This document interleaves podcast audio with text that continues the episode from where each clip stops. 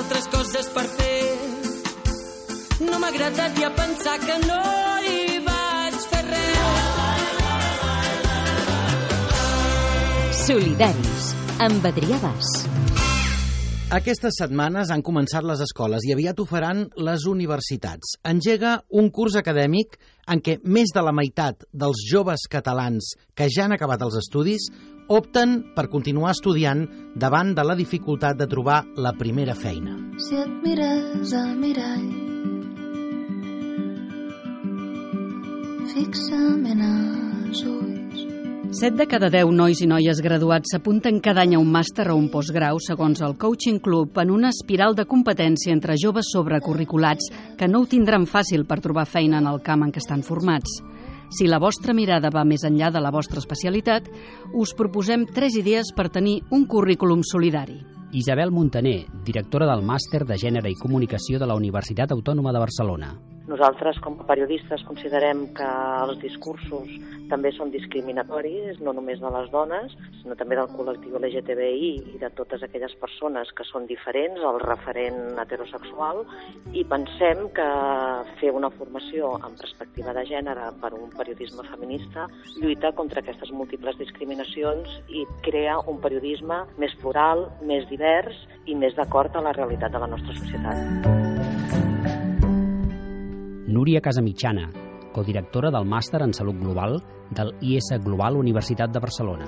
Ci vorrebbe un'altra vita per fermarci ad un secondo di distanza da un errore, un'altra vita per capire. Voleu contribuir a millorar la salut de la població mundial? El màster de salut global dona una visió, com diu el seu nom, global de quina és la situació de la salut a nivell mundial amb una especial èmfasi en aquelles poblacions més, més vulnerables i des d'una perspectiva interdisciplinar i molt centrat en tot el que són inequitats en salut. I el perfil dels alumnes? El màster de salut global no està pensat exclusivament per metges, enfermeres, o sigui, graduats en ciències de la salut, sinó que també està obert a altres eh, disciplines, com poden ser les ciències socials, l'economia, les polítiques, etc. És un màster per homes i per dones, per suposat el que passa que en aquesta societat, encara qui es preocupa per la igualtat, per la no discriminació de les dones, som les dones.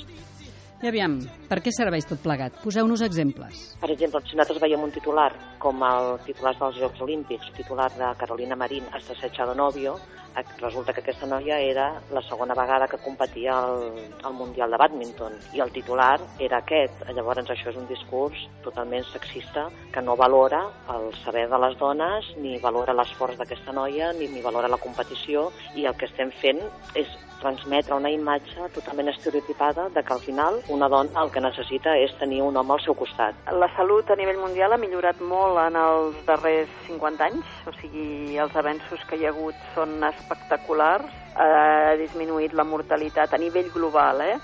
però quan anem desagregant les dades eh, veiem que un dels grans reptes en aquest moment és superar les inequitats en salut, és a dir, perquè haver nascut en un lloc o haver nascut en un altre representa que tinguis moltes més probabilitats de morir abans de fer els 5 anys. I en què consisteixen aquests estudis? Fem molts tallers d'empoderament feminista, tallers contra la islamofòbia, treballem molt el que són els nous formats d'audiovisual, el periodisme de dades, durant tres tardes fem dues tardes a l'Autònoma i una de les sessions pràctiques les fem a Barcelona, perquè també sortim molt al carrer a fer treball i dura tot un any acadèmic. El màster de Gènere i Comunicació de la UAB comença el 6 d'octubre. Es fa en català i castellà i dura un any. El màster en Salut Global va començar l'1 de setembre. És íntegrament en anglès i dura un any. Una altra vida insieme a te Treballem un ventall d'assignatures molt basades en quina és la situació a nivell mundial, eh, que, amb elements de quins són els determinants de la salut, no només a nivell, diguem-ne, biològic, sinó també a nivell eh, polític, econòmic, social.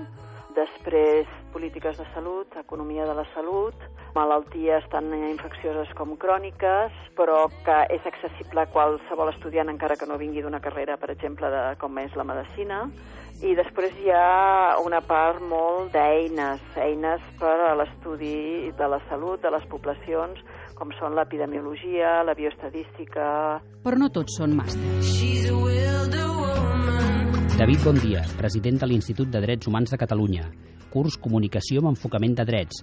Eines per a un periodisme més humà. El periodisme té una funció social eh, fonamental, té una responsabilitat i una influència molt clara en la creació d'una societat informada i crítica i el que sobretot li falta és no deixar-se guiar en les informacions pels interessos dels poders fàctics que defineixen l'agenda informativa, sinó sobretot eh, busquem professionals de la comunicació que el que vulguin informar sobre el que importa i sobretot des d'una vessant de matèria de drets humans. El curs ha tancat inscripcions amb tant d'èxit que han decidit fer-ne una nova edició al novembre. Trobareu més dades de tot plegat als webs de l'Institut de Drets Humans de Catalunya, de la Universitat Autònoma de Barcelona i de l'IS Global.